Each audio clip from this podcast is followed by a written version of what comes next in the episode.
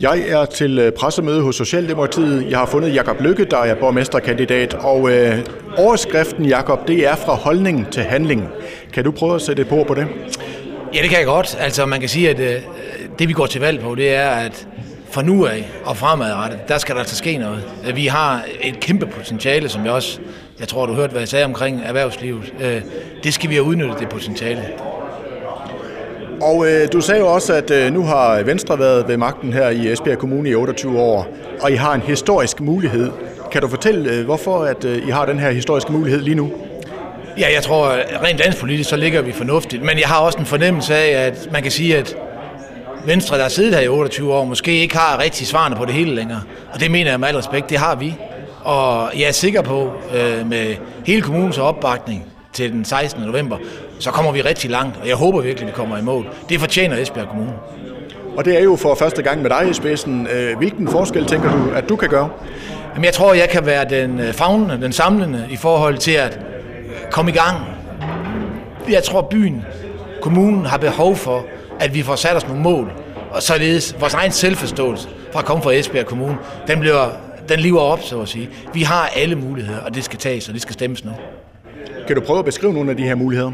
Mulighederne for mig, som jeg også sagde til under pressemødet, det her, at vi skal have vekslet nogle af de her ting om. Vi skal have vekslet det her om, at ikke nok folk vælger at bosætte sig. Vi har jo over 6.000 mennesker, der dagligt kører ind i byen og kører hjem til fyreaften. Dem skal vi til at bosætte sig. Det må være hovedopgave nummer et. Og det kan man gøre ved, at som vi øh, giver et bud på, vi kan forny skolerne. Vi kan ikke bare gøre den forny den, vi skal gøre den endnu bedre. Vi skal gøre den til de bedste, ja, de bedste i hele landet, kan man sige. Det er nogle af tingene, øh, som jeg også var inde på, foreningslivet. Det ligger os meget på sinde. Foreningslivet, ikke kun inde i storbyen, men i alle steder i vores fantastiske kommune. Og du var jo også meget inde på de bløde værdier, men du sagde også, at det var en forudsætning, at øh, der var en knivskarp erhvervspolitik. Og du sagde, at jeres øh, erhvervspolitik var så knivskarp, at man kunne skære sig på den. Kan du prøve at definere det? Ja, jeg kan næsten ikke beskrive det andet, at når jeg siger knivskarp, så skal man, være, så skal man ikke være til kund i tvivl om, hvad vej vi går. Øh, og det skal vi gøre rent politisk. Og vi skal have fundet 3, 4, 5 områder politisk, som vi satser 100% på. Således at universiteterne, uddannelsesinstitutioner er med os. Logistikken, infrastrukturen er med os. For så er man som virksomhed kigger rundt i landet, så skal man kunne få øje på Esbjerg, hvis det er sådan, man vælger at lægge sig ind for nogle af de her områder. Det er der, det er der, den skal være knivskarp. Vi skal ikke være til at komme udenom.